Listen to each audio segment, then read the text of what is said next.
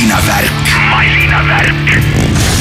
hobujõude ja detsibelle rahistavad autoentusiast Raiko Ausmees ning muusikasõber Tanel Pandre. Back to the graft again. Just sold my voice for a long weekend. You bet it was worth it. There's no other place I'd rather reset. You got that right, love. If I wasn't yours, I'd be somewhere else. In some other time zone. Trying to work things out myself. If I'm not you, I'll be straight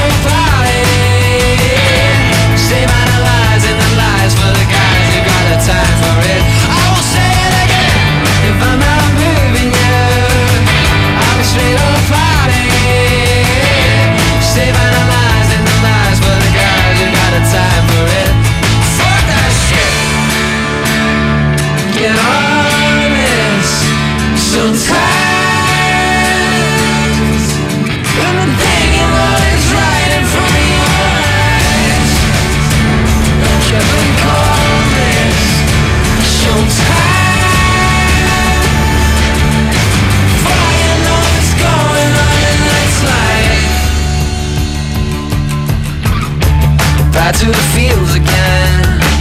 When I've had lying knees, I'll be back, my friend For I'm rollers another though You know my timing's impeccable.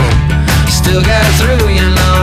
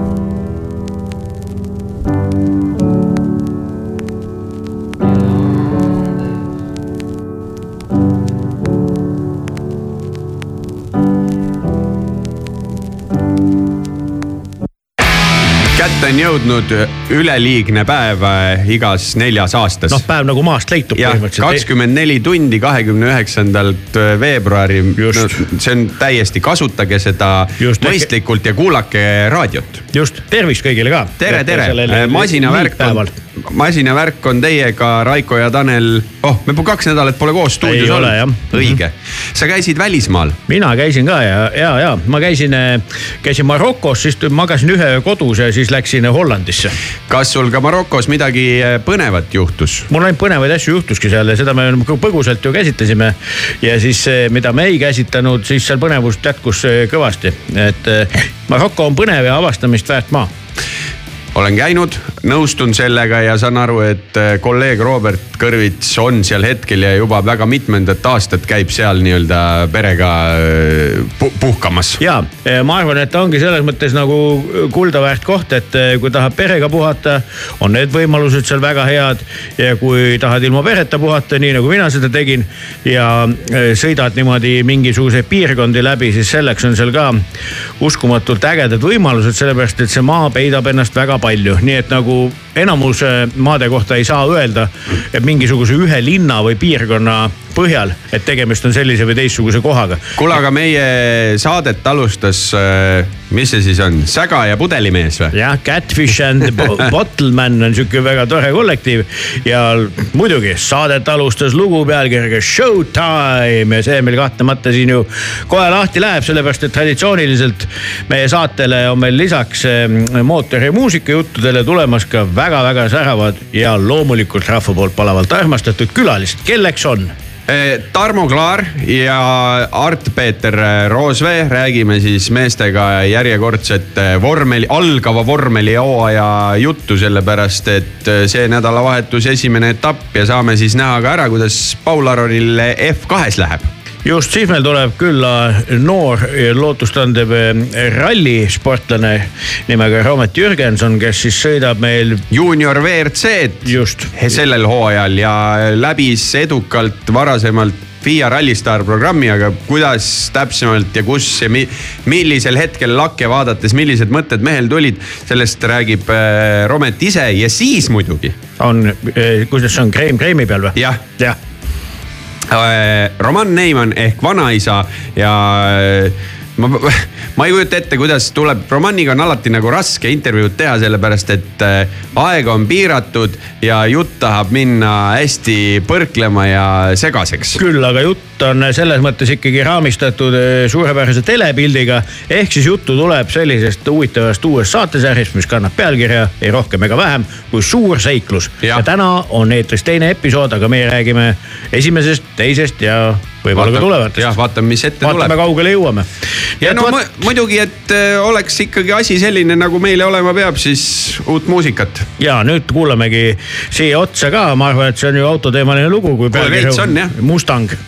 Mustang on loo pealkiri ja esitajaks on, on Kings of Leon. masinavärk. If you're free tomorrow, don't make any plans to Sylvan Park and kick over trash cans. Love is all around me everywhere I turn. Is that the smell of fall or the city burn? There's a Mustang in the city and it's calling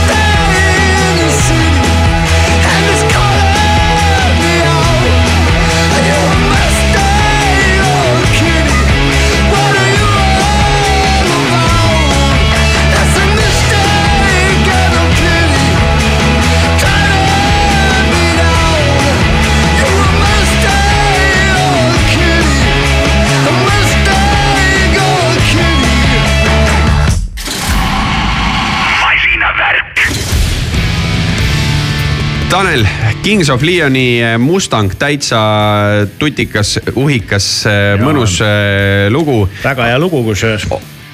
natukene on tead, mis Kings of Leoni eh, mure. no Neil oli nagu see üks esimene plaat oli bänger ja Muidugi. siis järgmistega iga kord on ootus suurem kui see, mis tulemus on. ja ma ei mäleta, kas see üldse isegi neil esimene plaat oli see, mis bänger oli. See võis ka teine olla, jah. see bänd on päris vana tegelikult, see on mingi üheksakümmend üheksa aasta punt, aga see selleks.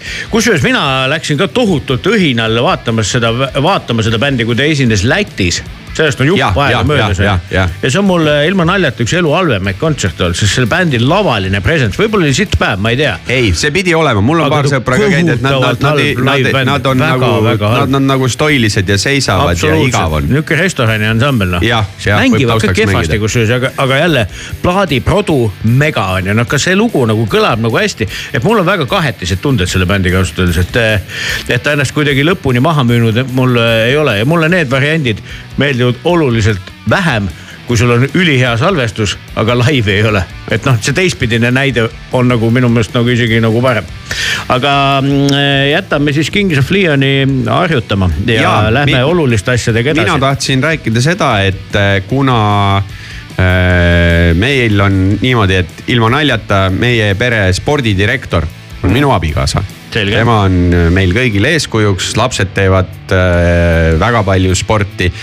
mina siis proovin seal kuskil sabas äh, sörkida ja teen mingisugused äh, asjad kaasa mm. -hmm. ja juhtus üks selline äge asi juhtus selline asi, et äh, üks selline peretraditsioone on meil käia esimesel mail Viljandis, sellepärast et siis toimub suurjooks ümber Viljandi järve.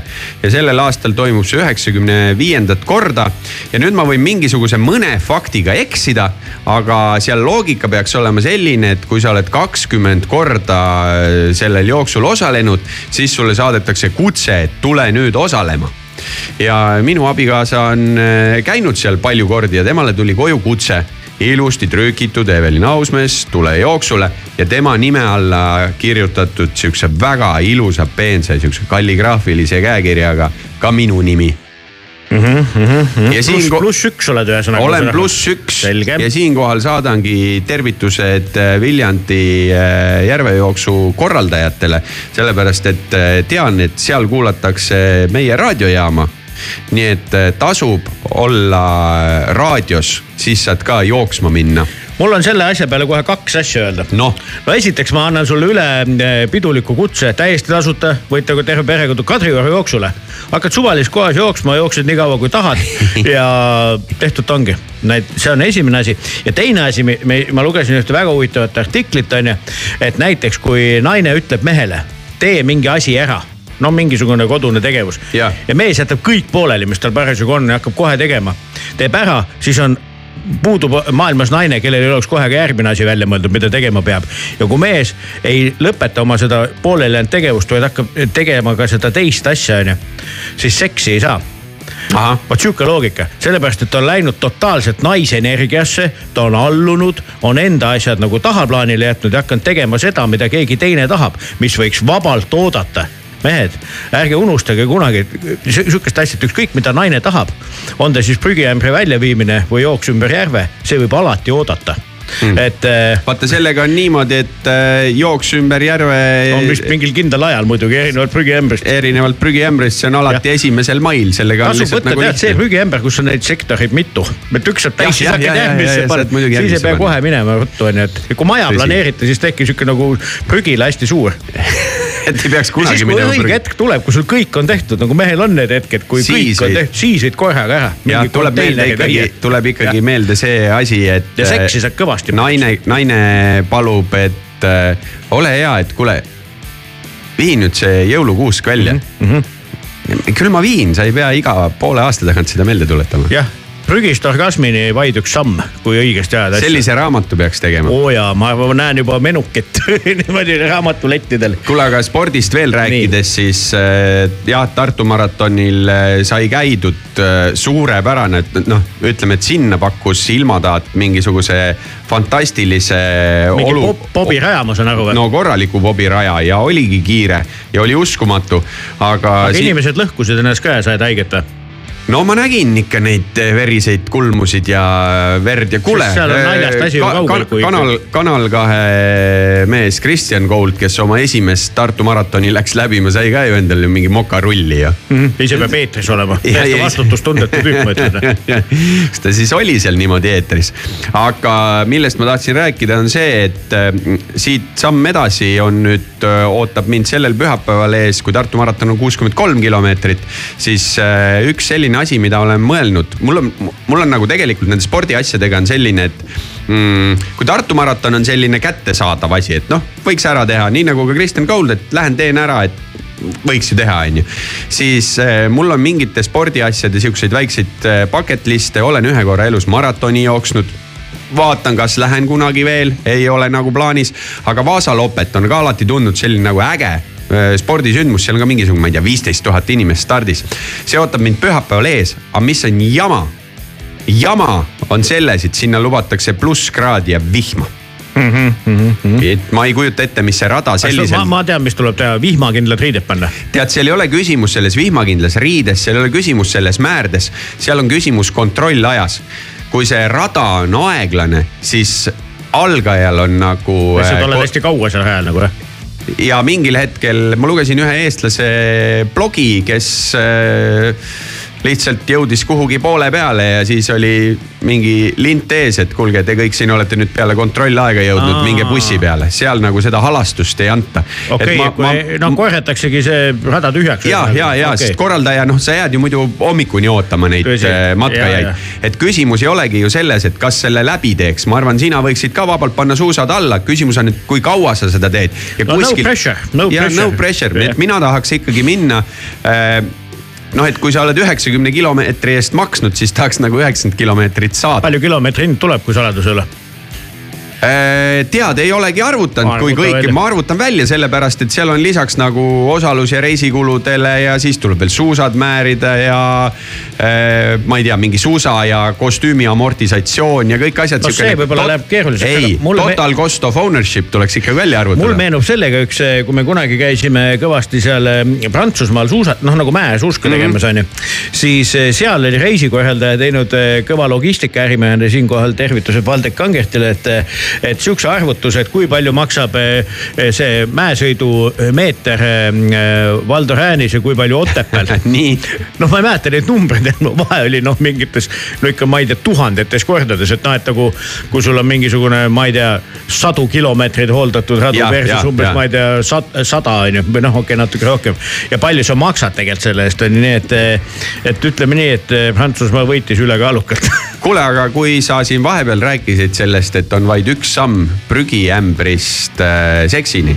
Siis äh, ma laseks eetrisse ühe sellise vahva ansambli nimega Nashville Pussy see on hea bänd. see on hea bänd mm -hmm. ja Hell ain't what it used to be ja ma tervitaks siit eh, Tartu kandi mehi ja Rupertit ja Innarit, sest et me käisime Ristoga siin natukene jälle niimoodi nende teede peal, kus inimesed tavaliselt ei sõida kuskil Tartu taga metsas ja jäime kinni mm. -hmm. aga tulid õnneks Tartust sõbrad appi, nii et eh, see lugu on eh, sinna Lõuna-Eesti. parafraseerime fakti, et enne kui tahad Nashville'i minna, käi seal Tartu taga ära.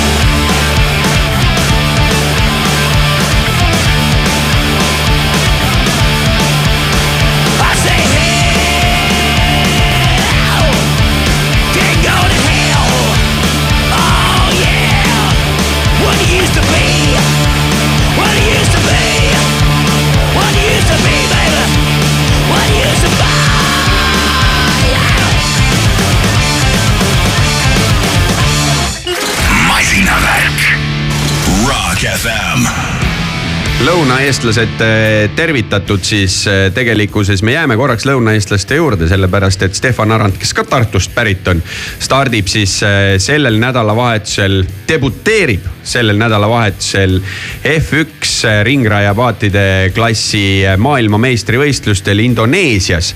ja Stefan käis meil siin stuudios, rääkis oma elust-olust ja tulevikust, aga jah äh, keeruliseks ilmselt teeb see, et tema saabki paadiga esimest korda minna sõitma siis, kui võistlused peale hakkavad ehk vabatreeningud, aga see, kes tahaks eh, Stefanile põhisõidus, mis siis kestab nelikümmend viis minutit kaasaja elada, see peaks pühapäeva hommikul Eesti aja järgi sihukene kell kuus ärkama, väikse kohvi jooma ja kuus viisteist saab vaadata ja siis sinna kohe otsa läheb auhinnatseremoonia, kuhu loodame siis ka, et Stefanil asja on, aga kuule, küsimus on hoopis vabariigi aastapäeva mm. kohta äh,. algselt pidigi Stefani esimene etapp toimuma kahekümne neljandal veebruaril, aga lükati tulenevalt mingisugusest Indoneesia riigis toimuvatest presidendivalimistest edasi miks ma ei imesta, olles riigis korduvalt käinud, seal on äh, kõige naljakam asi, mis ma kuulsin seal, et, et äh, leppisime mingit asja kokku, ei, meil on celebration, mida tähistate? vaikus. Nüüd ausalt, ma ei tea, aga see kestab neli päeva. aga ma sain aru, et sina käisid Eesti Vabariiki äh, sünnipäeva puhul tervitamas hea sõbra juures. mis see siis on, no on ta nüüd Holla-, Hollandis riigis? Haag on selle linna nimi jah Jah. see on ju Euroopa häll ikkagi. põhimõtteliselt küll jah, seadusloome häll või. seal asub ka näiteks Europol on ju, kes käituda ei oska, siis saab sealt sugeda ja nii edasi. aga ja tõsi ta ju on ja mul näiteks esimest korda elus õnnestus äh, mängida hümni, ma pole kunagi mänginud. sa pole kunagi hümni mänginud? Ei ole. ma, ma hakkan mõtlema, et ega ma ka hümni mänginud ei ole, on tulnud teda mingis poistekooris laulda. seda küll jah, aga, aga noh, et niimoodi, et täitsa nagu mängid kohe ja siis eh, kõik kohale tulnud eestlased laulavad ja on sihuke härrasetk on ju, et vot seda pole olnud, on ju, nii et eh, kuigi ma olen vabariigi aastapäeval mänginud korduvalt ja näiteks üks eh, siinkohal tervitan ka tegelikult Eesti kõiki veterane on ka üks meeldejäävamaid oli, oli Kõrbes ja Iraagis näiteks oh., kus me käisime ka Muidugi, muidugi. eestlaste võitlusvaimu üleval hoidmas. viimati käis seda tegemas seal äh, Grete Paia pürmüüdiga. Vist see oli nüüd alles hiljuti, eks ole. vaadates sind, siis ma arvan millegipärast, et Grete Paia tõstis rohkem eestlaste võitlusvaimu. kahtlen siiralt mm, -hmm. ei, see ei ole võimalik. ja siis eh, ja ühesõnaga, me olime seal Haagis eh, ühes, ühes eh, kesklinna kõrtsus, kus oli siis kõvasti inimesi. palju eestlasi oli? oli tegelikult palju, aga ei ole raske aru saada, sest maja oli puu püsti täis, aga sellel oli üks eelnev põhjus. seal vaadati räkpit.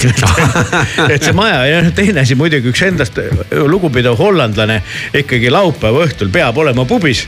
Nii et neid eestlasi oli seal palju, aga kust see piir täpselt läheb, ega ma ka ei tea ja eks seal on natuke neid igasuguseid eh, niisuguseid segaperekondi ja asju, aga kaasaelamine oli vägev ja kontsert oli kõva ja, ja ehk te tegite Tarvo Valm and Co koosluses siis äh, vabariigi sünnipäevakontserdi, aga lihtsalt seda Haagis ja pubis. just ja enne Hollandi seda enne seda tegime kilu võileiba ja võtsime pitsi isegi Viru Valget tead Ah. noh, et ikka nagu peab, et oli, olid meeleolukad momendid ja tervitan siis kõiki Hollandi eestlasi siinkohal, kes ju kuulavad seda saadet. jah, kes, kes ei käinud, muuseas saate kuulamisest mm. -hmm. meie saadet äh, sain siin alles just üks mees, sõber mul, kes Rootsis elab, uuris, oo kuule, näed Spotify's ka saan ka nüüd mõnusalt äh, kuulata.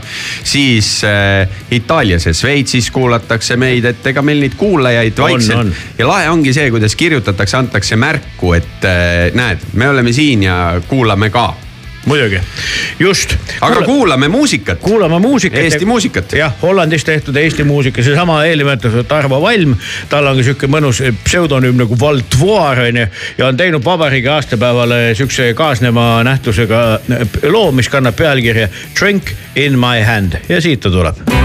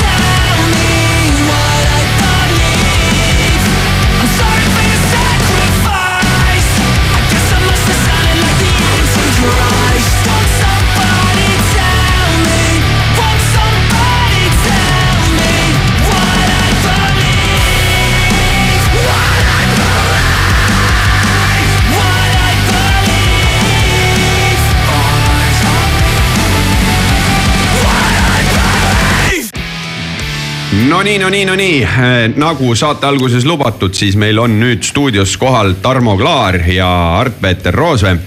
Ja hakkame juttu tegema mitte ainult vormel ühest, tahaks ju nii öelda, aga kuna meil ikkagi on oma poiss Havannas, kes on nüüd eh, F2 manu läinud, ehk siis Paul Aron, siis kindlasti räägime ka seda lugu, aga meile kõlas Architectsi lugu Seeing Red ja seda võib siis nagu mitut pidi võtta, et mm, kas punast äh, kavatseme me näha nagu äh, Ferrarisid või et kui need punased tuled kustuvad, mis siis just saab? see, see on ikkagi see sümbol, sest kui punane tuli kustub, siis hakkab kõik pihta.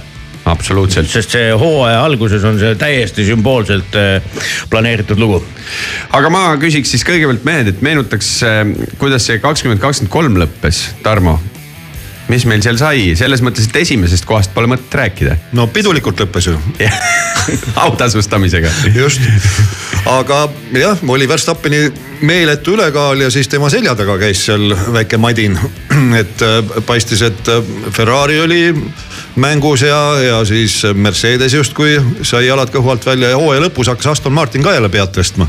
ja siis hooaja keskel ütleme teisest poolest sedasi üllatuslikult McLaren tõusis tuhast, et nad hooaega alustasid ju täiesti mudaliigas. absoluutselt. ja hooaja lõpus ütleme niimoodi, et tänaste eelarvepiirangute juures ja kõigi nende piirangute juures, mis seal teste puudutab vormel ühes tänasel päeval, see oli täielik müstika, kuidas McLaren tuhast tõusis.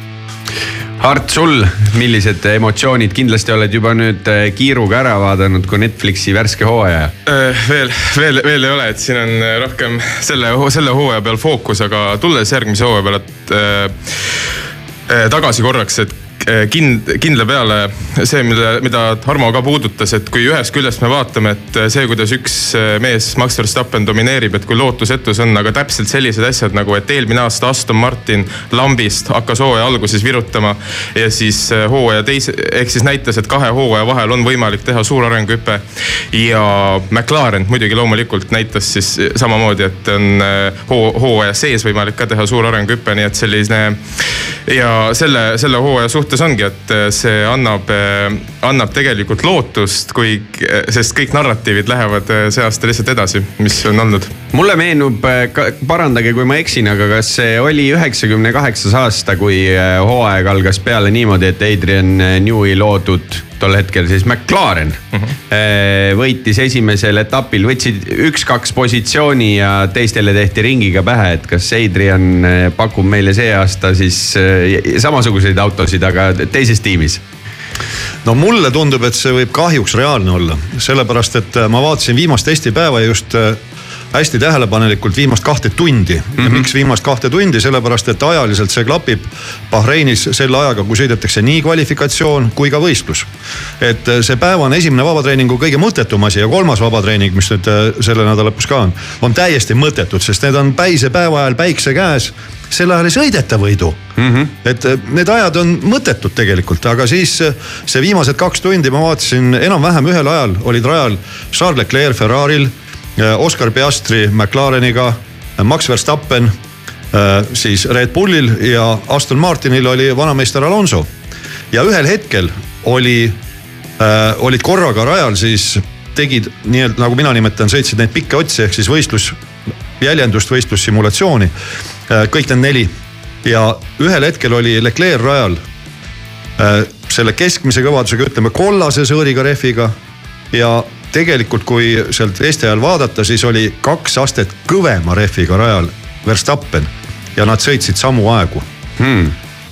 Äh, muidugi me võime öelda, et me ei tea mitte midagi kütusekogustest, aga käimas oli tegelikult võistlussimulatsioon ja ma kahtlustan, et nad olid suhteliselt sarnase, sarnases kaalus autodega. ja no see on masendav, see on masendav, kui üks vend paneb kaks astet kõvema rehviga samaaegu, kui teine sõidab kaks astet pehmema rehviga, et äh, noh, siin või siis teisipidi, esimene testipäev, kui kõik äh, tulevad rajale mitte muhvigi, mitte millestki ei tea, eks ole, täielik üllatus. ja siis päeva lõpuks on Verstappen kõi- kõigist üle sekundi kiirem. ehk et äh, ilmselgelt äh, tundub nii, et meil selle noh, ei tahaks ju ennem esimesi sõite öelda, aga maailmameister oleks nagu teada. no siin on ju tegelikult see asi ka, et noh, et kui me räägime sellistest hooaegadest, millega F1 fännid on tegelikult praeguseks harjunud, et. et hooaja alguses juba tundub, on, tundub, on asi selge. aga, ja siis nüüd tekib see küsimus, et äh, kui me, et äh, kui me räägime siin, et noh, et on teisi häid asju ka, et kas me petame ennast, nii-öelda üritame seda asja endale heaks teha või mitte, kui nii-öelda põhiroog ehk siis tiitliheitlus on juba tegelikult laualt ära võetud ja me peame nii-öelda siis eelroogade ja siis jääkidega tegelema, aga aga magustoit on ka hea ju. magusto-, magustoit on ka hea ja tegelikult magustoiduks ongi meil äh, nagu juba sai mainitud, Ferrari, Mercedes, Aston Martin, McLaren ja siis veel sealt tagantpoolt äh, V-Carbi tiim. ma olen lõpuks äh, leppinud selle nime hääldamisega. ja et need, need on sellised, need on sellised asjad, et ma arvan, ma sada protsenti ei ole kindel, aga ma arvan, et ma ei tegele siin enese petmisega, kui ma ütlen, et see on pagana põnev prospekt, mis seal Red Bulli taga on. ja Red Bulli puhul ka, et tsiteerin siin tsiteerin siin meie Corneri saates käinud saatekülalist äh, Raul äh, Uurbergi, et äh, vaatamegi siis, kuidas Max Verstappen teeb ajalugu ja kuidas teised pida-, peavad põnevat võistlust, et see ei kõla nii halvasti tegelikult.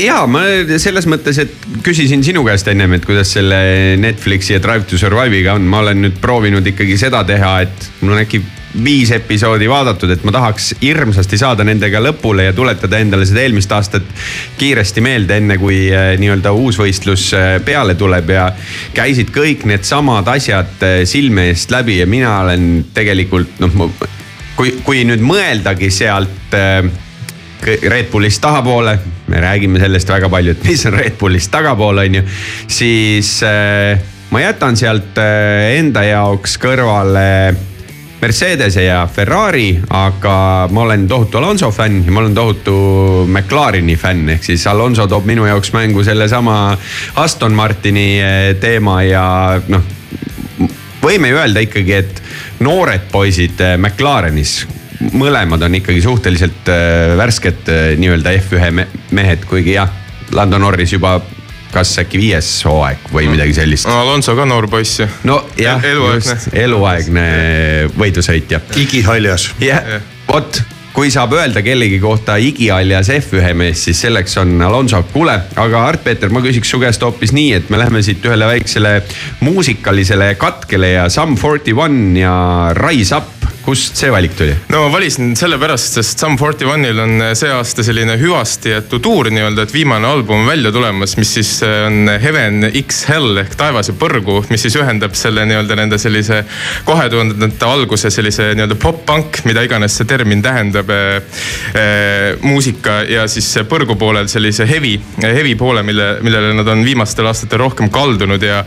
Sum 41-i kohta, nagu F1-s ka see sõna alahinnatud, et see on selline natukene kehva, kehva sõna, aga ma ütleks, aga ma ütleks küll, et ta, ma julgeks öelda, et on natuke alahinnatud bänd, sest äh, äh, üks väheseid bände, kakskümmend viis aastat tegutsenud ja ei ole sellist objektiivselt nõrka kohta selles äh, äh, repert-, repertuaaris näha ja tundub, et lähevad ka väga nagu pauguga areenilt minema ja ütleks praegu, ma arvan, üks kõige tugevamaid live rock bände ja väga suur, väga suur respekt nendele. mina võin sekundeerida, olles seda bändi laivis näinud, et eh, on küll kõva energiaga ja, ja äge sats on ju. aga Heaven and Hell, see on ju tegelikult ju äh, laenu mõte. see on ju Black Sabbathi plaat, see on juba tehtud. ma arvan, ma arvan, seda on nii mõnigi bänd nii Just. loos kui albumis kasutanud. Second hand eh, ei, idee. me jõuame jälle selle juurde. Second hand ei pruugi halb olla. ei, mitte second hand, vaid äh, me elame ju selles roheringluses, vaata. Taaskasutus. taaskasutus, taaskasutus, nii et kuulame Sum 41 ja siis räägime vormelijutte edasi. masinavärk, masinavärk.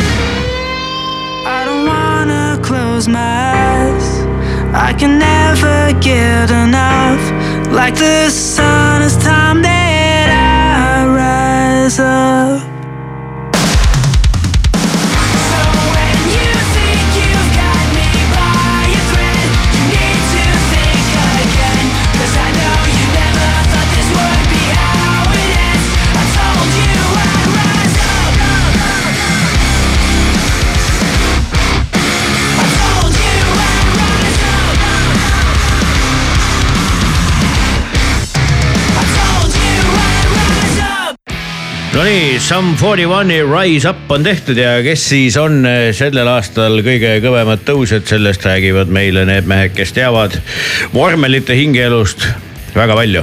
ma, ma, ma tuleks üldse korra selle kalendri juurde, sellepärast et meil on siin ju mingisuguseid kummalisi hetki. võistlused ei toimu pühapäeviti, jep, osad.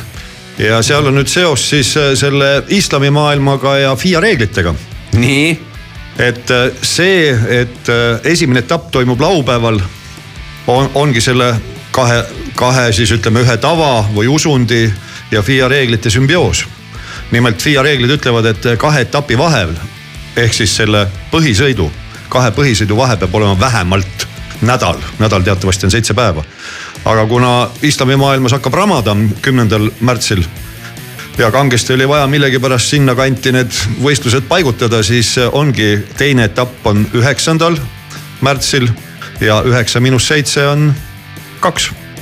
ahah, ja kui me nüüd äh, lähme korra ühe täitsa äh, teise asja juurde, siis äh, äh, meenub, et sellel, see aasta tuleb esimene hooaeg ühes uues kaardisarjas äh,, mis on siis Champions of the Future Academy ja sinna lähevad võistlema Eesti poistest Albert Tamm, Kristjan Ebras, Sebastian Kirss ja nendel näiteks esimese etapi vabatreeningu päev langeb suurele reedele ehk et kristlaste pühadega meil on kõik okei okay., sellel ajal võib võistlust sõita ja. mida iganes, sellepärast et võistlus toimub ju teise, teise usundi keskkonnas. toimub, tõsi, aga las need usundid jääda, meil on jah, lihtsalt tuleb ära harjuda sellega, et eh, võidusõitu. Teinekord ei olegi paha, mulle näiteks sobib, et see seekord laupäeval on, sellepärast et ma pühapäeval näiteks suusatan Vaasa Lopetit, siis ma saan rahulikult laupäeval seda vormelit vaadata ennem ette ära. kuule, aga tuleme korra selle F2 teema juurde, te olete kindlasti vaadanud ka neid eh, vabatrenne, F2, Paul Aron, eestlased kindlasti huviga jälgivad ja ühtepidi peaks olema natuke nagu võrdsemad võimalused kõigil, sellepärast et äh, uued vormelid on F2-s mm. -hmm. mis meil seal nii-öelda vabatreeningud on näidanud, Art? no rääkides äh, Paul Aronist üldiselt enne, et ma olen katsunud seda see aasta rohkem sellise pilguga jälgida, et mitte siis eestlasest, eestlasest vormelifänni pilgu läbi, vaid just, just eelkõige, eelkõige lihtsalt võidusõidu fänni pilgu läbi, et vaadata. et äh, kujut-, kujutada niimoodi natukene ette, et Paul Aron on mingi äh, suvaline välismaa sõitja et kas ta oleks keegi, kelle suhtes on äh, see hooaeg, keda on see hooaeg huvitav jälgida ja ma julgeks öelda, et on et ilmselgelt esimene debüüthooaeg, Paul on ise ka tunnistanud, et palju saab olema õppida. aga ta on üks kõige põnevamaid noh, debutante, noh debüüt on tehtud F2-s küll, aga kindlasti praegustest äh, sõitjatest. noh, ütleme niimoodi, et noh, loomulikult äh, Kimi Antonelli on ka üks, üks nimi, kes, kellest ei saa ümber, üle ega ümber vaadata ja kellest ka F1 tiimid äh, ei saa üle ega ümber vaadata, tundub. aga jah, Paul Aron on, ma ütleks, kui nüüd järgmised nimesid pärast Antonellit, siis ma, Aron on kindlasti üks nendest kohe Tarmo, Hightech meeskond, kus ta on, mis sa sellest, tegelikult ju väga-väga tugev tegija F2-s. võidusõiduvõistkond. ei no tegelikult, kui niimoodi noh, see ei olnudki nali, nad ongi võidusõiduvõistkond, üdini võistkond, sellepärast tuletan inimestele meelde, et hea küll, seal ei ole enam äh, kõik need inimesed äh, nii-öelda palgal ja, ja tööd tegemas, kes olid siis, kui Marko Asmer sama võistkonnaga tuli Briti meistriks vormel kolmes. siis, kui vormel kolme tiitel ka midagi maksis aastal kaks tuhat seitse, nii et selles mõttes nad on väga professionaalne võistkond, kellel on tohutult kogemusi erinevatest sarjadest. aga mis puudutab neid teste, mis sõideti sealsamas Bahreinis äh, mitte F1-ga koos, varem natukene, siis ääretult ebaülevaatlik ja põhjus väga lihtne. uus auto kõigile, kõik otsisid, kas nad leidsid saame teada siis, kui Madin läheb lahti neljapäeval. et näiteks seesama teema, see Kimi Andrea Antonelli, kes on Mercedese palgal siis üheteistkümnendast eluaastast ja ta on praegu seitseteist, ta saab sel aastal kaheksateist. ja on selline noh, Mercedese jaoks nüüd loodetavasti see järgmine nende jaoks Max Verstappen siis või nende imelaps mm. -hmm et eh, tema tulemused olid täiesti mitte midagi ütlevad, nagu andke mulle andeks, nagu ka Pauli omad tegelikult seal äh, nendel testidel, aga need ongi testid, me ei tea mitte muhvigi, mida nad seal testivad. kes mida keeras, mida kuhu külge pandi ja nii edasi. just, kui palju need rehvid all olid, milline oli kütusekogus, kõik need nüansid, et äh, noh seal kaugeleulatuvaid järeldusi ei saa teha. veel segasem pilt kui F1-ga selles mõttes. absoluutselt, jaa, kindlasti, kindlasti.. ma küsiks niimoodi üldse, et kui me nüüd seda F1-te, F2-te tahame seal silma sel eeloleval nädalavahetusel esimesel etapil peal hoida, siis mis see ajagraafik ja kalender, mis meil neljapäeval, kuidas peale hakkab, seda ka keegi oskab teist täpsemalt kommenteerida? no nüüd äh, peast äh, oli vist, äh, hakkab neljapäevane esimene vabatreening kolmteist, kolmkümmend või kolmteist null null ja siis teine hakkab algab vist äh, kella viie paiku, kui ma õigesti mäletan. ja reedel, reedel siis ei olegi pikka juttu, et kõige tähtsam asi, et äh, märkida ära, et mida on, ma arvan, keeruline unustada just sellepärast, et ei toimu klassikalise nädalavahetuse formaadi järgi, et kaheksateist null null kvalifikatsioon ja laupäeval seitseteist null null äh, lõpuks ometi on pikk, pikk depressiivne talv läbi, hakkab puhkus, F1 hakkab ja F2-l on siis no,, reedel ma... on sprindisõit jah, mul on nüüd, ma olen vanakooli mees, mul on väline mäluseade ees praegu.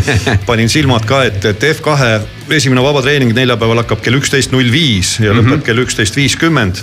siis on F2 kvalifikatsioon on viisteist viiskümmend viis, lõpeb kuusteist kakskümmend viis, see on neljapäev. siis reedel on F2-l ainult sprint, veerand, veerand viis ja mis siis on laupäeval F2 põhisõit hakkab kell kaksteist kolmkümmend, nii et F2 on selline välk ja pauk sari, kus laupäeval ja pühapäeval tuleb kohe võistlustulle minna, nii et ei mingit käe soojendamist. Oh, äh, meie oskaksime seda ainult loota, et äh, siis mina eelkõige äh, tahaks nagu näha, et Paul suudaks sealt äh, nagu turvaliselt läbi tulla Mm -hmm. ütleme, et äh, mul, mul ei ole nagu mingeid kõrgeid ootusi, et kohe nüüd peaks äh, poodiumile ronima, pigem, et äh, saaks hästi hakkama ja suudaks sihukest ühtlast tempot läbi nagu terve võistlus nädalavahetuse, aga jah, F1 poole pealt. vaatame siis mitme ringiga need Red Bullid või no ma tahtsin seda öelda, et Pauli puhul on just eriti oluline, et hea küll, tal nüüd üks võistlus nädalavahetus selle vana autoga selja taga on, aga tähtis ongi tal saada nüüd see esimene nädalavahetus sada protsenti läbi sõidetud. et kõik need protsessid läbi tehtud, sest hooaeg ikkagi ka F2-l siiski on pikk, kuigi neil on etappe vähem, aga tähtis on just see, et neid tagumiktunde koguda, see on ääretult oluline. no testimist kindlasti. ongi nii vähe, et e, e, avaetapp ongi nagu omaette test tegelikult jah, selles mõttes, et kui rääkida siin F-idest, siis äh, Stefan Arandit ootab ka see nädalavahetus esimene etapp ees ja F1 paadiklassis ja tema olukord on täpselt Äh, või mis täpselt samasugune, tema olukord on kehvem kui Paulil, kui äh, maapealsed vormelimehed on vähemalt saanud testida, siis äh, Stefani esimene test ongi esimene vabatreening ja siis kohe kvalifikatsiooni oma paadiga, nii et. ja sellel nädalavahetusel üldse mootorispordis siis ka VEC-i kestvussõitude sari hakkab peale, nii et siin on vaatamist küll ja veel. on stardis jah? jah ja., seal on mitte ainult, seal on. Mikk Schumacher. De Vries, Patton, Kubitsa oh, seal neid nimesid ikka jagub erinevatesse võistkondadesse, et ka kindlasti põnev vaatamine, aga Tarmo, küsimus sulle. Ghost ja Square Hammer on nagu siia järgmisena nimekirja pandud, sina võtsid sellise muusikapala kaasa. nojah, vaata, ma püüan mõnikord ka olla popp ja noortepärane, ma ei tea, kui hästi see välja tuleb, aga mina avastasin enda jaoks selle Ghosti Metallica kontserdil Tartus et äh, kahju, et muidugi nende kontsert oli päisepäeva ajal ja see ekraan seal taga oli selline läbipaistev, see oli täielik fopaa minu jaoks ja paljude jaoks. aga äge bänd on et väga kihvt bänd on, kusjuures äh, bändi liider äh, üldse ei eitagi, et tema suureks eeskujuks, kusjuures tegemist on noh, sa Tanel võid mind nagu parandada oh,. ta ei ole nagu heavy, ta ei ole hard rock, ta on, ta on mingi segapudru mõningas mõttes ja tema bändi liidri e-, eeskujuks on muuhulgas ABBA no loomulikult, vana hea Rootsi sound, eks ole, see, nii palju kui ma tean, ta ongi nagu eh, põhimõtteliselt siukse ühe mehe projekt tegelikult. ja Tobias Forge jah. just, just, et, et kes on siis lugude autor ja üldse välja mõeldud ja nüüd neil on päris kõva imidži muutus, ma nägin neid eh, kevadel nagu põhimõtteliselt nagu peaaegu aasta tagasi. nüüd on, on niuksed nagu veits siuksed eh, mingid military, siukse Mad Maxi või mingi täiesti. ja, ja nagu gaasimaskid oleks peas. just, just, et noh, et seal Tartus nad käisid mingisuguse teistsuguse Just. imagoloogiaga, et sellele nad panevad ka päris kõva rõhku lava peal. aga mis ma veel öelda tahtsin, et kui eelmisest bändist juttu oli, et äh, hea selline live bänd või elus esitaja, siis minu meelest Ghost on ka. Kindlasti. väga, väga vinge, mulle jättis väga soodsa mulje igatahes seal Tartus tookord. et ongi sihuke Rootsi sound, hästi produtseeritud on ju, nii et see Apaga paralleel noh, on selles mõttes väga kohane, kuigi võib-olla tundub väga nihuke veider, eks ole, aga. aga sealt võib-olla mõnes mõttes maailmamuusika sellise filigraanselt lihvitud helipildi tegelikult ju kaasa sai väga žanrite üleselt. just nimelt ja noh, seda Tobias Forge silmas pidaski, ma, ma sain aru aga suured tänud teile, elame Eesti mootorisportlastele ja kõigile teistele, kes siin erinevates sarjades eeloleval nädalavahetusel stardivad kaasa ja kuulame siia lõpetuseks siis Ghosti. ja aitäh ja stiilimuutuste koha pealt, et ma arvan, kui rääkida bändide stiilimuutustest, et F1 fännid on ka kindlasti sellega praegu väga ära harjunud, mis siin viimase aja jooksul on toimunud, et ja. just. aitäh ja ilusat hooaja algust. masinavärk.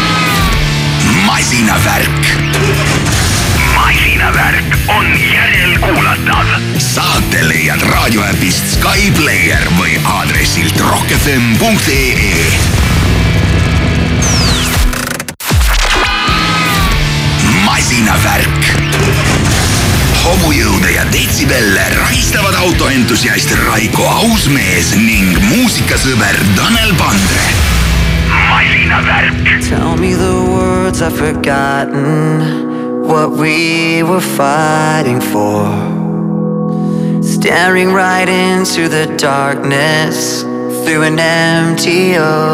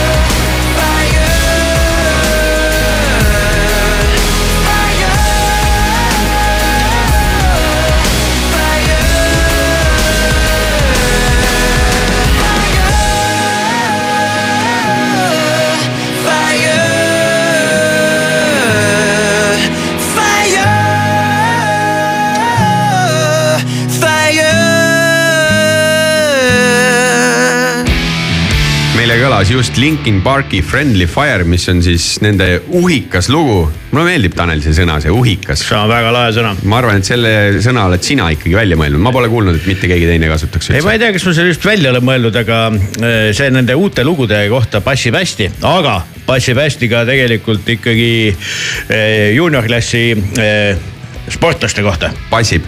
jah. meil on külas Romet Jürgenson. tšau, Romet. tšau, tšau. kuule, sinu käest tahaks tegelikult äh, üldse alustada kuskilt äh, kaugemalt ja algusest ja siis saame tulla selle juurde, mis siin sellel aastal äh, toimub. kuidas sa üldse mootorispordi juurde sattusid, mis oli see asi, mis sind nagu käima tõmbas ja selleni veeretas, et ma tahaks kiiresti sõita? Enamasti need äh, lood algavad kõik niimoodi klassikaliselt on ju, et mul isa tegeles ja, ja siis Oh, äh, sin, sinna. käisin kuskil karti proovimas ja jah, täpselt. mul endal on, on see ka seotud isaga selles mõttes, et ma alustasin motokrossiga, mõlemad me sõitsime seda kuni kahe tuhande kümnenda aastani ja. mina, sõitsime mõlemad kusjuures quad bike idega ehk siis mitte nagu Mhm. kaherattalistega, aga, aga nagu neljakesi või neljarattaga ja, ja siis äh, ma autoralli ma olen külili käinud sellisega. ega see jah, seal on see kallutamine ja kõik on väga oluline, aga, aga see ralli kui sellise tegelikult ma sain üldse enda onu kaudu. et äh, onu lihtsalt kutsus mind, kuna mul olin nagu sel hetkel nagu tegemas pausi motospordist üldiselt, siis. siis äh, onu kutsus mind lihtsalt rallit vaatama ja ma väga sellest rallist midagi ei teadnud, mu ainuke mälestus äh, varasemalt oli umbes kuskil viie aastaselt, kui ma keegi võttis mind sinna Soome rallile kaasa ja siis ma mäletan, ma olin ujumas, siis ma nägin Marko Märtini punast Peugeot mööda sõitmas, see on mu ainuke mälestus Äh, ja selles mõttes ma nagu rallis sees ei olnud, siis läksin seda rallit vaatama, see oli seal äkki kuskil kaks tuhat kolmteist aastal. vana sa olid siis? kolmteist siis oli äkki Rally Estonia või Tartu ralli, kumbki neist ja ma arvan, et esimesest otsast peale kuidagi see sport võlus mind lihtsalt ära äh,. isegi fännina ma sain sealt sellise adrenaliinilaksu äh, tunda seda kiirust äh,, seda, seda autode häält ja kõike seda, et see kuidagi võlus mind nii ära ja sellest hetkest nagu mul tekkis endal ka ikkagi soov see ära proovida. ja siis ma hakkasin vaikselt äh, rahvaspordi ja rahvarallidega minema ja siis nüüd siis siin me oleme. mismoodi see üks vaheetapp FIA Rallystar programm, kuidas see sinuni jõudis? jah, sinnani oli selles mõttes veel nagu pikalt minna, et see rahvaspordi nii-öelda hoo, hooajad siis andsid tegelikult nagu aimduse, et, et äh, mul tuleb see enam-vähem hästi välja, et esimesed kaks aastat tegelikult suutsin juba võita rahvarallis ja, ja rahvasprinte samamoodi. siis oli endal soov tegelikult teha samm edasi nagu päris, päris rallisse mm. -hmm. aga nagu päris paljud, ma usun, et enamus äh, avastavad äh, sel hetkel, et see on pea võimatu, kui sul ei ole rahapatakat äh, selja, seljas, et see on väga-väga keeruline ja minul samamoodi see tee jäi tegelikult tol hetkel pooleli.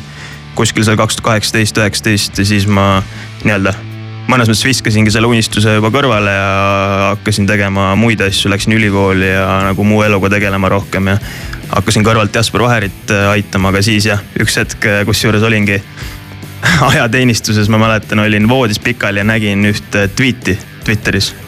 ja Yves Maton tol hetkel vist oli FIA ralli direktor mm. -hmm tegi siukse tweet'i, et näed, meil on FIA Rallystar, selline lahe programm tulemas, et äh, kõikidele noortele üle maailma anname võimaluse, kellel on piisavalt talenti ja suudavad nagu hästi esineda, et saavad, äh, saavad võimaluse päris rallimaailmas ja tollest hetkest peale ma nagu üritasin teha kõik, et seal programmis edukas olla mismoodi see programmiga liitumine käis, ütleme siis sellest hetkest, kui sa seda Twitteri säutsu nägid ja selle hetkeni, kui sa sinna autode taha jõudsid? Äh, suures plaanis oli seal kolm võimalust, kuidas nii-öelda seal edukas olla, oli siis nii, et FIA andis siis kõikidele maailma autospordiliitudele äh, variandi, et kas nad korraldavad siis äh, slaalomi võistluse päris väikeste autodega mm -hmm. ehk siis kõik nii-öelda parimad sõitjad kogutakse kokku Äh, seda Eestis teha ei olnud võimalik, sest oli Covid tol hetkel ja ainuke võimalus, kuidas Eestist nagu saada sinna edasi, oli üldse läbi arvutimängu. ehk siis e äh, läbi e-spordi põhimõtteliselt jah, ja kuna ma olin sellega nagu mingil määral tegelenud, olin selline pühapäevamängija rohkem. siis äh, nii-öelda hakkasin enda oskusi veel äh, peale kooli ja kogu aeg nagu parandama seal ja siis äh, oligi jah selline võimalus, et äh, korraldati siis Äh, neti teel siis äh, selline üks katse, mida sai siis äh, üle kuu aja nagu sõita ja siis ma ühe etapi sealt võitsin ära, sain võimaluse siis osaleda Euroopa finaalis Saksamaal kus siis juba sõitsime päris cross-kartidega, et see on suht selline keeruline asi siin selgitada, aga põhimõtteliselt jah, lihtsalt öeldes äh,. Erine, erinevaid võimalusi kasutades äh, said noored lõpuks siis äh, kontinentaalsetes finaalides kokku siis, kus sõideti cross-kartidega ja sealt valiti omakorda okay. esindajad äh,. Rallystar programm ise hõlmas kui palju võistluseid, äh, mis autodega te seal sõitsite? Äh, noh, see, see kogu see projekti mõte oligi see, et kaks tuhat kakskümmend kaks jooksul valida välja siis igast maailmajaost ehk siis kokku kuus sõitjat pluss üks äh, nai-, nai-, naisterahvas. ja siis äh, kahe tuhande kahekümne kolmandaks aastaks äh, me juba siis nii-öelda hakkasimegi ette valmistama ennast juunior WRC-ks mm. -hmm. ja kaks tuhat kakskümmend kolm me kõik kuue või seitsmekesi tegime siis kaasa sellise treeninghooaja Fiesta Rally kolme autoga, sama, samaga, millega siis seal juunioris sõidetakse, et see oligi kogu selle asja eesmärk, et, et leida need noored kõigepealt. Neid kuus või seitse tükki leiti ja siis äh, sõeluti sealt välja siis nii-öelda need parima arengu teinud, kes siis nüüd see aasta, kaks tuhat kakskümmend neli sõidavad äh, juunior WRC-d ja me neli siis sõidame seal. Me tuleme selle aasta ja juba ka ühe toimunud etapi juurde tagasi, aga eh, tuleb küsimus see, et ACDC Hells Bells no Sellepärast... eriti fataalse pealkirjaga loo oled valinud siuksesse me... kaugele karjääri niimoodi me... tulevikku vaatava mehena võtsid. on vaata, külalistel on ju kaks küsimust, üks küsimus on, et millega sa siia tulid. mille see... me nüüd ka sa võiksid ära vastata see autoga selles mõttes, aga mis autoga, ma saan aru, on ka küsimus jah uh,? oh jumal, ma olen liiga praktiline ja igav inimene, ma sõidan golfiga ja universaaliga, Golf kuus. mulle, mulle meeldib. mina sõidan kaheksakohalise bussiga. sinna saab asju peale panna. just, just, aga ACDC ja Hells Bells mis seos sul sellega äh,? otseselt Hells Bellsiga tegelikult mingit seost ei ole, mulle lihtsalt äh, ühe klassivenna mõjutustel on ACDC-t hästi palju lastud ja siis mul lihtsalt see oli esimene laul, mis meelde tuli tegelikult ausalt öeldes no, aus vastus. vastus seegi kuulame siis selle morbiidse hümni ära, et, et jätkata ei ole palju elu, elulisemate, elurõõmsamate teemadega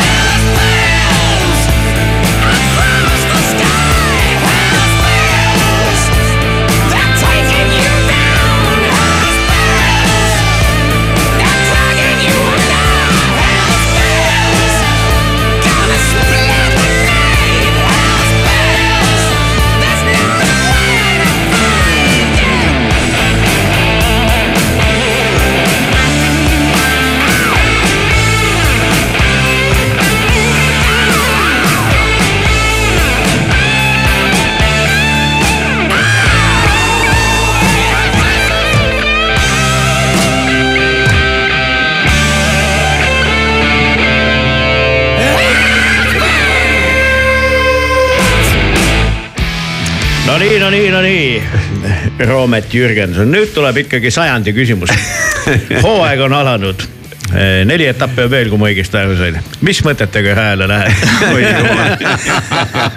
vot see, millal see küsimus tuleb. Mhm. tuli, tuli, tuli, tuli. aga me, me tuleme tegelikult, tuleme teise küsimuse juurde. meil on üks küsimus veel, aga noh, ma saan aru, et sellele vastamine võtab aega omajagu. Aga me, meil on- meil, meil on aega, me ootame hea meelega. meil on, meil on see, meil on see teine küsimus, mis.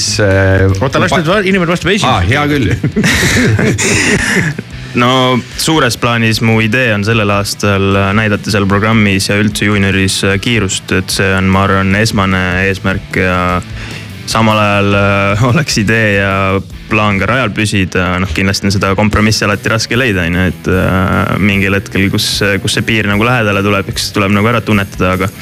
aga nagu ma liiga palju ei stressa selle lõpptulemuse pärast see aasta, et see juuniorisari on niivõrd nagu äh, habras mõnes mõttes, et me läheme sõitma Sardiiniasse, Kreekasse, kus äh, teed lähevad väga-väga katki ja tulla sealt äh, WRC autode ja selle rivi tagant nagu see on tihtipeale suht suur lot- loterii, aga ainuke, mis ma teha saan ise omalt poolt ongi see, et lihtsalt kiirust näidata ja loota, et ma saan veel järgmine aasta siis nii-öelda tasuta programmis sõita. mis autoga sa sõidad? me sõidame juunioris siis äh, Ford Fiesta Rally3 autoga, ehk siis see klass ise ongi nüüd tehtud äh, nüüd äkki kolm aastat tagasi nii-öelda lisan-, lisanduseks, et äh, see on selline väga hea nagu vaheplatvorm siis äh, esiveolise auto pealt äh, neliveolise auto peale, et muid noh, nüüd, nüüd meil ongi ju see ralli püramiid on nagu üles ehitatud väga lihtsalt, et meil on ralli üks, meil on ralli kaks, ralli kolm ja ralli neli. Ehk siis ralli neli auto ehk selle esiveolise auto pealt see hüpe sinna ralli kahte oli niivõrd suur lihtsalt, et see nii-öelda sõitjatele tekkis väga palju raskusi ja see ralli kolm klass nagu nende nii-öelda nii-öelda algeliste neliveoliste autodena annab väga hea nagu võimaluse teha see hüpe nagu vähe lihtsamalt, et see ongi nagu äh, see kogu see point sellel klassil. kas Rally3 auto on selles mõttes äh, nii palju lihtne, et äh, kui mingil testikatsel tekiks võimalus, võiks mina istuda rooli taha, minna ja sõita, et ta ei vaja mingit keerukust asja, läheb lihtsasti käima, on kergemini sõidetav, sest et noh, Rally1 autorooli isegi kui tekiks võimalus, tundub nagu mõttetu üldse ükskõik millisel ruukil istuda. ja selle Rally3 autoga tegelikult väga lihtne sõita kuni mingi piirini mm. -hmm. et äh, paratamatult, kui sa hakkad seda piiri otsima, siis need nii-öelda lõpu äh, lõpudetailid ja nii edasi, et see läheb juba nagu keeruliseks ja siis on vaja nagu seda nii-öelda seadistuse poolt hakata juba näppima ja ma tunnen iseenda puhul ka, et äh, mida karjäär edasi, siis seda, rohkem ma hakkan selliseid väikseid nagu äh, asju juba tundma ja jäävad mind nagu häirima juba testides ka, et on nagu see perfektsuseni on vaja see asi viia nagu, et äh, et aga ja nagu sa ütlesid, siis äh, kui tahta nagu niisama näiteks teha mingit rallit proovida, siin on väga palju näiteid ka Eestis, kes on tulnud nagu proovinud ja saavad väga hästi hakkama nagu kuni mingi piirini. Ja ralli äh, kolm või noh, tähendab selles juunior WRC arvestus, teil on kõigil need ühesugused, kõik on needsamad Fiestad on ju. see ongi see idee ka, et anda nagu nii-öelda kõigile neile noortele sama platvorm, et nad saaksid tõestada ennast nagu võrdses olus, et äh, see ongi see idee. aga palju seal nagu ise nagu kätt külge saab panna või noh, mingeid seadistusi ja asju ikka saab ju teha, eks ole, või kui palju seal seda võimalust on? meil on äh, võimalik siis põhim- suures plaanis kolm asja muuta, ehk siis me saame muuta äh, antirollbaar ehk siis äh, kuidas see nüüd eestikeelne sõna ongi sellel äh,. Nende asjadega on tihti, et eestikeelse sõnaga jääd raskusse, sellepärast et loen Mida ise ka enam, enamus inglisekeelset meediat no. põhimõtteliselt ta siis nii-öelda määrab seda ära, kui vedel auto on, ehk siis kas ta nii-öelda kaldub ühele poole või teisele poole, et. ja kui, kui palju kere nii-öelda läbi käib? läbi, läbi Jah, paindub jah jah, läbi- äh, paindub põhimõtteliselt nagu suures plaanis, aga ja siis samamoodi nende antirollbaaride positsioone saame muuta, ehk siis äh, nende nii-öelda rollbaaride enda jämedust pluss siis neid positsioone, neil on ees kolm, taga kaks.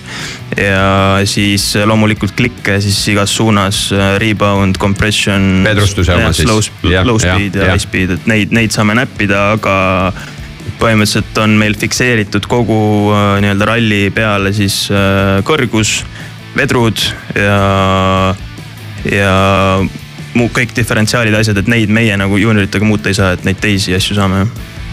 Äh, enne Rootsi etappi tegelikult ma esitasin sulle selle küsimuse, et kuule, kas sa tuleksid stuudiost läbi ja siis mulle väga meeldis ja väga austan seda vastust, et sa ütlesid, et las ma nüüd keskendun, käin seal ära.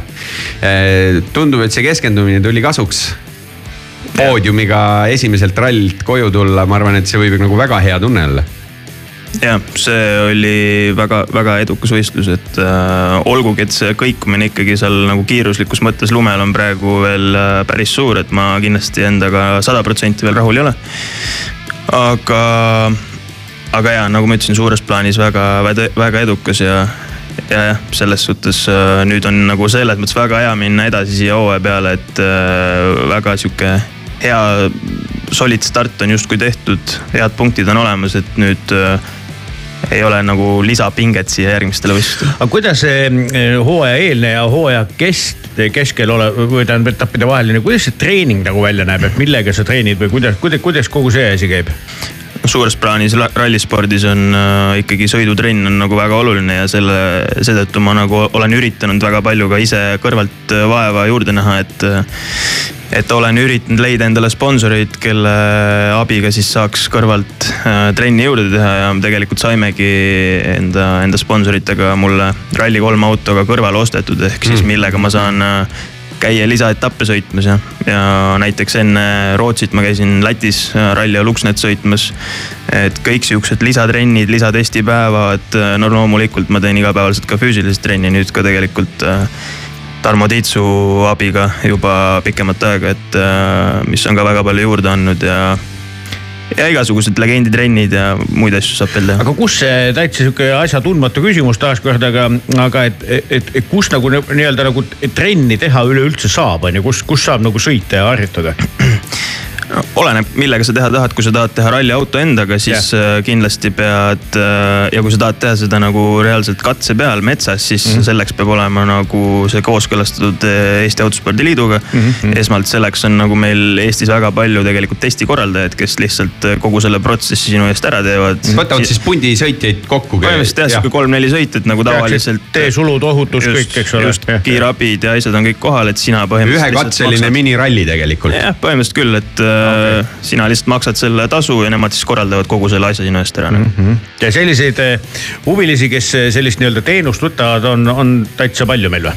ja eriti on seda nagu näha enne nagu Eesti meistrivõistluste rallisid, et mm -hmm. tavaliselt selline nädal-kaks enne seda nagu ikkagi on pea iga päev seal Lõuna-Eestis mingid sõidud, et siis on alati hea sõita. nii et sinu juttu kuulates jääb sihuke mulje, et, et Eesti rallisport elab nagu häid aegu praegu no see on alati selline debati koht, et äh, nagu laias pildis vaatad, siis äh, siis äh, justkui nagu noorte pealekasv on väga suur, et äh, sel, seda on nagu väga hea näha, et ma ise nagu võrdluseks oskan nagu öelda seda, et kui mina näiteks sõitsin kaks tuhat kuusteist, seitseteist äh, rahvasporti, siis minu klassis oli seal kuus-seitse sõitjat keskmiselt. nüüd ma vaatan seda juunior kuusteist klassi, seal on vahepeal kolmkümmend sõitjat, et see see on äh, väga nagu positiivne on seda näha ja noh su, suures plaanis ma arvan tänu Otile ja Martinile on see kogu see asi nagu sihukese hoo sisse saanud ka aga kui kiiresti veel vaadata sellele juunior WRC kalendrile otsa, siis äh, nüüd te sõitsite talveoludes.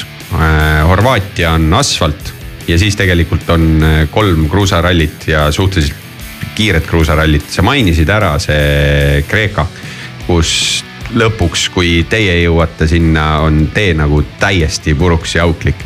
kas äh, sellised rallid ongi kõige suurem loterii? ja no kindlasti mul on nagu raske öelda seda praegu, kuna ma ei ole ühtegi sellist äh, rasket rallit veel ise teinud. Äh, aga, aga ja nagu ma juttudest olen kuulnud ja ise videoid vaadanud, siis kui sul ikkagi nurga taga pealuu suurune kivi järsku sõidujoones on, siis ja sul kuskile minna sealt ei ole, sul pole aegagi selle jaoks reageerida, no siis sa pead sealt üle sõitma ja siis äh, ongi auto katki, et. Äh, et selles suhtes need, äh, see ongi see loterii osa just, et aga, aga jällegi meil on tulemas asfaldi peal ralli, kus ei tohiks liiga palju mõjutada, kindlasti tee läheb mustaks ja tuleb igast sodi tee peale, aga samamoodi Soome, kus ka ei tohiks liiga katki minna, et võiks okei okay.. mis on ikka väga kiire ralli. jah, väga kiire mul on äh, lõppu selline küsimus, kas äh, selleaastasel Rally Estonial ka sind stardis näeb? praegu plaanides on, aga kunagi ma ei saa kindlalt midagi öelda, et kõik kindlasti oleneb ka eelarvest, aga praegu oma autoga olen kindlasti mõttes seda pannud.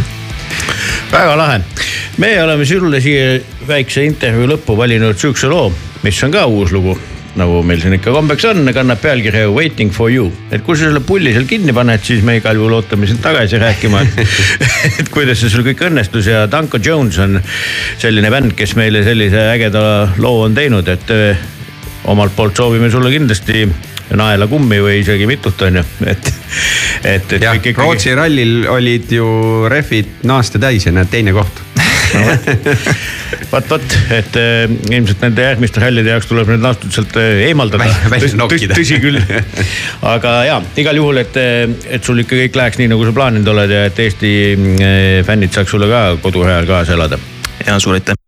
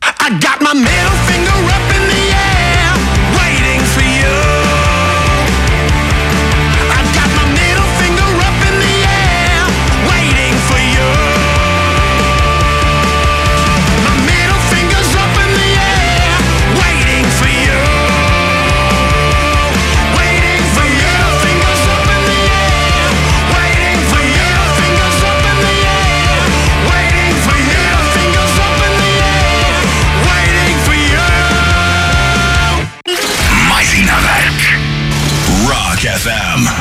And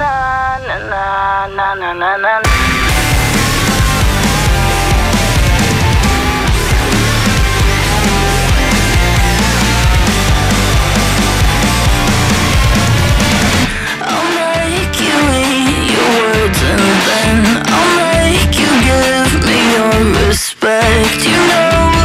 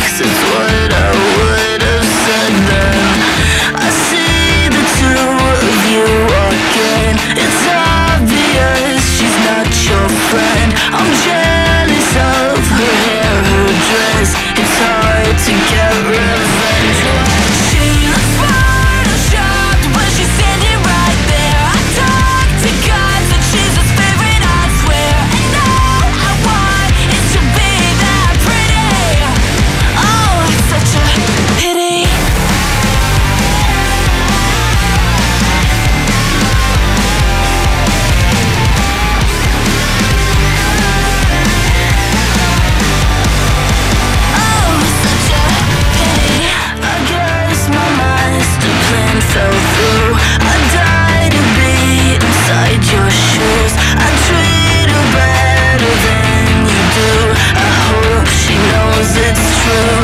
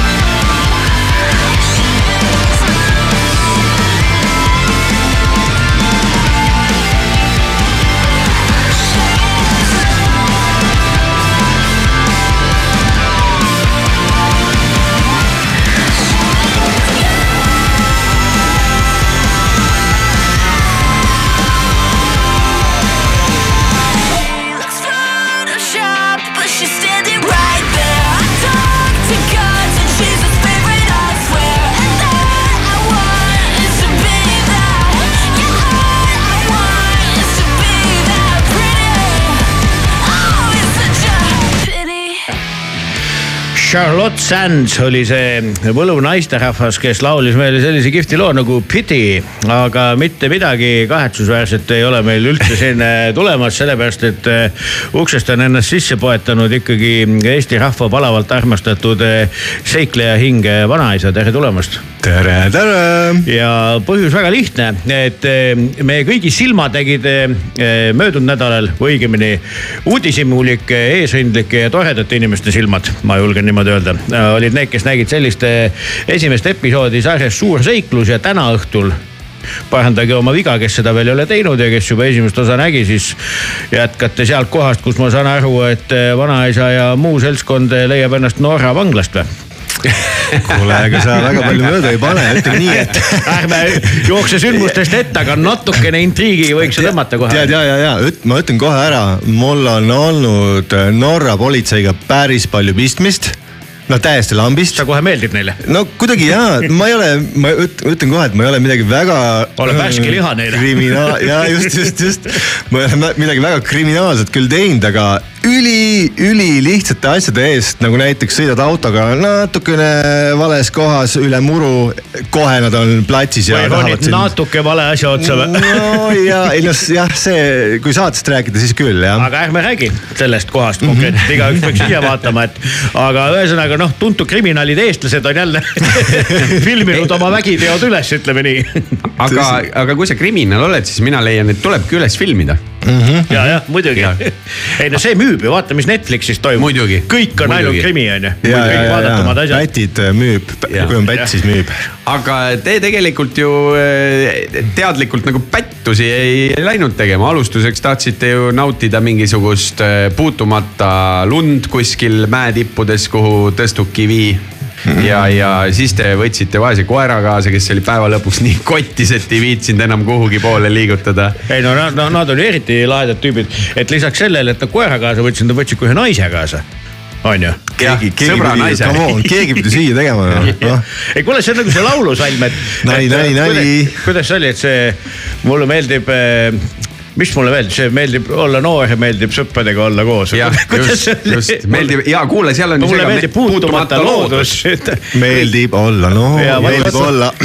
kuule, soundtrack on olemas järgmisesse episoodi, ma juba tunnen. ma tahtsin öelda, me oleme kaks, pool minutit siin suutnud inimesi ärevusse ajada. see oleks nagu mingi esimene stuudio. suur seiklus toimub esimene episood ei kuskil mujal kui Norras ilma, ilma politseita alguses. ütleme nii ja, et mul on hea meel, et te olete nii elevil sellest äh, saatest isegi rohkem elevil kui mina. oot, mul läks see tool alla. ei no sa, sina pead ju monteerima ja see on kohutavalt tüütu tegevus, meie ju naudime lõpp-produkti ju see on meie erinevus. mont on ju nõme.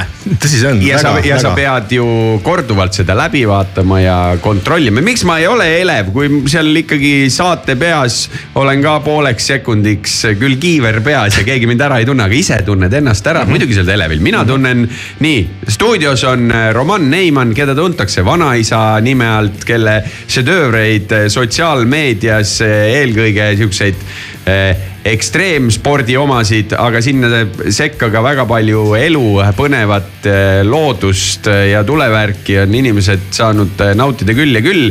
ja nüüd sa oled, Roman, saanud hakkama sellega, et oled toonud televaatajateni lõpuks iseenda seriaali, mille nimi on siis Suur seiklus, mida saab vaadata TV3-st neljapäeva õhtuti. seal on ka palju õpetlikku. seal on ka palju kuidas, õpetlikku. kuidas uputada drooni näiteks, kui keegi veel ei tea, siis sealt saate häid juhiseid. jah aga mis ajendas, mis viis selleni, et sa mõtlesid, et paneks nüüd need mm, välgatust, sest me oleme sinuga ma arvan ka peaaegu kohe varsti kakskümmend aastat äh, tuttavad ja olnud erinevates holy shit olukordades koos.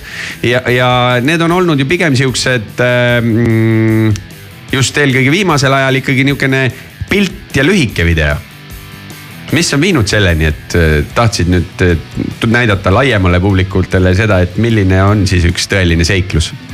ütleme nii, et äh, sõbrad tahtsid näha hästi palju on praegu neid reisisaateid igasuguseid, kus on igast toimub vähem või rohkem seiklusi. vähem pigem. nojah, et äh, kuidagi oli tunne, et peaks tegema mingi sarja, kus päriselt ka toimub midagi ja, ja see on tegelikult sihuke, et äh, see ei ole mingi ette skriptitud äh, sari, et see on täpselt nii nagu minu puhkused või sõpradega väljaminekud on alati olnud, et äh, lähme ja teeme erinevaid asju ja juhtub nii, et vähe ei ole kas on juhtunud ka kunagi niimoodi, et äh, seal saates olnud äh, Joel on olnud knock-out'is? oo oh jaa, mina olen oma silmaga näinud vähemalt kümme korda, kui mitte kakskümmend. talle ikka see lumelauaga sõitmine meeldib. no mitte ainult lumelauaga, ta on, tal on erinevad ka mootoriinstrumendid, mis tal seal kahe jala vahel käivad, ka nendega on juhtunud erinevaid lugusid. kuule, kas on juhtunud ka nii, et ei juhtu midagi? see on äh, kuradi hea küsimus ähm,. pigem mitte. loodame, et ei juhtu ka. loodame. muidu poleks üldse pooltki nii põnev vaadata seda, ma arvan. aga ühesõnaga, ma üritan nüüd mingi ühe asjaliku küsimuse ka küsida, et, et esimene episood viis meid eh, sellisesse kohta, kus ma arvan, valdav osa, enamus inimesi üldse ei teagi, et oleks võimalik harrastada eh, mäest laskumist, ma ei tea, täitsa palaval kevade ajal juba ja kus lumi ei kauge ära või? Mm, ja, ja, ja no see, see on selles mõttes huvitav koht ja, et äh, noh, kui me nüüd veits täpsemalt räägime, on, on, on nagu see, et sa saad lihtsalt minna kuskile mäg-, mägedesse ja teha suvalise, sulle meeldiva mäe tipu otsas endale nagu mäekeskuse. ühesõnaga, sa võtad mootorsaani ja saad sõita ükskõik kuhu tippu ja sealt pärast alla. kuule, mul jäi veits arusaamatuks, et seal oli kaks seda Eesti saani tüüpi, kas mm -hmm. need nagu, nagu teevadki tööd seal või, või need. Nemad teevad tööd muidu Kuutsemäe all. Ja nemad teevad tööd Kuutsemäe all, Nemad ka aga kuulasid seal siis või? ja nemad olid lihtsalt kevaditi teevad sinna reise, et seal Aa, on okei, okei. äh, hästi palju lund, on ju, ja siis seal on hästi fun sõita jah. seal on sihuke lõputu ala, kus sa saad sõita. ilma üldse mingisuguse saladuseta, siis võin teha siin reklaamipausi ja JK kelgukeskus Kuutsemäe all. vennad Kärsonid näevad väga palju vaeva, et meil oleks üldse Eestis kuskil nagu mootorsaaniga vähekenegi normaalselt sõita, et nad valmistavad radu ette. ja seda tööd tehakse tegelikult aastaringselt, mingisuguseid truupe veetakse paika ja nii edasi, on ju, et väga kihvt, et üldse meil sellised kelgufännid on, ma arvan, mul oleks mootorsaaniga palju vähem kilomeetreid läbitud, kui neid ei oleks, kuule, kuidas see nii oli, et kas see oli, oli planeeritud või see oli ka selline puhas juhus, et äh, Ott ja Juhan samal ajal seal olid? ei, see, see oli selles mõttes planeeritud, me teadsime, et kaua nad seal on ja millal nad ära tulevad ja meil hakkaski aeg täiesti otsa saama. Et see oli see jah, miks me üldse läksime kohe filmima sinna. okei okay., sest et ma mäletan seda hetke, kui sa helistasid mulle, et kuule, kämperit oleks vaja, ma ütlesin jaa, oo sealt ja sealt ja ja siis sa helistasid mulle tagasi umbes poole tunni pärast, kuule, need olid kõik head pakkumised, aga ma unustasin ühe asja öelda. seal kämperil peaks veokonks olema ja, ja, ja meid oli lihtsalt, meid oli mingi viis-kuus tükki vähemalt, kes siit ära läks, täiskasvanud siis inimest. ja kurat, kõik need asjad ja no need ei mahu ära, kämper on küll väga suur, on ju, aga lihtsalt no ei ole asju kuhugi panna ja, ja kärukonks oli nagu, nagu väga tähtis. ehk et sa oled tänaseks läbi töötanud kõikvõimalikud kohad, kust Eestis saab kämperit ja kärukonksuga neid pigem Oo, jaa. ei ole. ja no pigem ei ole, aga tead kuidagi mingi grupp oli kuskil eh, Facebookis ja siis üks osaline, kelle nimel, nimeks Topis ajas selle kuidagi välja sealt kuskilt äh, väga ja kusjuures, mis oli hästi imelik, ma elan Kohilas on ju ja mul põhimõtteliselt majast kilomeeter eemal oli see tüüp, kes rentis saad aru või? täiesti ulme see on nagu elus ikka tead, see on nagu see alkeemiku raamat, et õnn on taga uuesti. jah, täpselt. just, just, aga noh, tasub ikkagi maailmas ringi vaadata, enne kui õnneni jõuad, onju. kuule, aga äh, eh, kuna täna õhtul on ju siis see teine episood, kas see on natukene noh, see, nagu see, kuidas see uus nimi on nüüd treileril on kõditaja või? Aa, diiser, ja, ja, ja, kõditaja. kõditaja, ühesõnaga see kõditaja oli ka eelmise episoodi lõpus, et seal me näeme eh, ühte tuntud muusikut, on ju, ja et kuhu teid siis nagu elu edasi viib, ära väga palju räägi, aga nii umbes. ma võin nii palju öelda, et äh, mäed muutuvad kõrgemaks ja teravamaks okei okay.. Ja mängu tuleb ka natukene lumevend, vedelam vend. sihukene märjem vend ja seda on palju. okei okay., ahah kuule väga juba. ja, ja ma, ma ei saa, ma ei saa, ütleme nii, et mainimata jätta ka seda, et äh, mingil määral on äh, see osa, selles osas rohkem näha alastust uh,. Seda ju tahavad kõik näha. noh, Muulas on, on nagu on, aga peaasi, et alastust oleks Just.. me alustasime siis, et vägivallaga ja Just, nüüd siis. vägivald, oot, oot, oot, tegelikult võib-olla see alastus on vale kääne, selles mõttes nagu rohkem nagu äh, äh, mitte nii palju riideid seljas võib-olla Aa, okei. ka va vahepeal mingid hetked. oleks võinud eelmise juurde pidama No oleks reiting eh, kasvanud, ma arvan. kuule, aga ühesõnaga eh, TV3 on teid siis oma hõlma alla võtnud ja ka kuna nad ju kuulavad seda saadet praegu, siis me ütleks, et kuulge, et jätkake samas vaimus, et inimesed ikkagi ju. sotsiaalne tellimus on kõva sellel saatel on ju, ma saan aru, et ideede puudust ja materjali puudust ilmselgelt ei ole ja et võiks teha kõvasti. jah, jah, järgmised kümme aastat. vabalt. ohoh, tunnen sellist Top Gear'i vaibi siin juba, jah, kuulge siia vahele võibki ära mainida, et äh, Soomes alustas nende oma top äh, gear kahekümne neljandal veebruaril äh, sellel aastal meie siis nagu selleks äh, äh, vabariigi sünnipäevaks soomlased tegid selle väikse nalja, et et tegid äh, Soome Top Gear'i ja mina saan aru, et äh, ei ole veel näinud seda osa aga saatejuhtideks on endine hokilegend Teemu Selanne ja siis tuntud stand-up koomik Ismo Leikola mm. -hmm. no vot, nii et äh, tunduvad kõvad automehed. tunduvad kõvad automehed seal koos olema. Aga teil nii palju automehi ei olnud, teil seal olid äh, Stand-up'i mehed põhiliselt. Stand-up'i mehed nagu kambakesi. ja ei no meil, kuidas, kuidas öelda, automees on väga suhteline, selles mõttes, et tänapäeval on kõigil auto olemas, eks ju, aga seal on jah. aga teil olid lukumehaanikud kaasas? meil olid, oo jaa, ja, ja kes äh, kahvlite ja nugadega üritasid muukida. ja kui seda abi on vaja, siis ka teab, kust saab. ja, jah, jah, kui seda ikka kodus saab. kahvel, siis ei jää suletuks üks lugu. jah, kahvel ja pannilabidas Just. näiteks. ja kui auto jääb kinni, siis teate, kuidas lükata ja. kuule, sellest ma tahaks küll Nii. küsida, kuidas on võimalik autodega sirge maa peale kinni jääda? vot ma ei tea, ma, ma, ma, ma ütleks, kui ma teaks. jaa, kämperiga ja, ja, ja, et selles mõttes nagu ja ma ei kujuta ette. aga t- Top Gear'i ja Camperi see side on ikkagi olemas, et Jah. need on ju saatanast teadupoolest. sellest on kõik rääkinud. Kuule, aga võtame oma äh, jutu kuidagi. Sisuka loo. sisuka loo kokku. et vaadake siis eh, TV3-e ja suurt seiklust Just. ja kes ei ole vaadanud, siis erinevatel siin, mis iganes teenusepakkuja teil on, siis Go3 või Telia või Elisa või kust iganes, siis on see järelvaatamise võimalus, aga muidu jah, teine episood eh, täna õhtul või need, kes noh pühapäeval kuulavad, siis teie vaadake kaks episoodi. ja mina kiidan seda omalt poolt ikkagi, pilt on ilus pilt on tõesti, on nagu nauditav, et selles mõttes, kui sa noh, lähed juba nii kaugele ja kõrgele on ju. noh, et siis üks asi on see, mis sul nagu mällu jääb, olles just salvestanud noh tuhandeid kilomeetreid peaasjalikult aiu on ju, et äh, mägesid ja värke on ju, et siis äh, see on ikka kõva oskus, kui tuua see feeling nagu koju kätte, et äh, tekiks kõditaja, et tahaks ju ka on ju. mul tekkis nii palju küsimusi, et meil siin saadel saab enne otsa, aga küsin eetriväliselt Tanel, mida kuulame siia lõppu? meie kuulame ühte sihukest, ma arvan nendele meestele, kellele meeldib kiiresti mäest alla sõita lumega ja ilma, et eh, sihuke punt nagu Vargas, kes on sellise dude'i nagu Fred Durstiga teinud sellise bänd Your Head, sellise loo, et võiks sobida siia lõppu. ja meie väga täname ja, ja elame siis kaasa nendele suurtele seiklustele. aitäh teile masinavärk.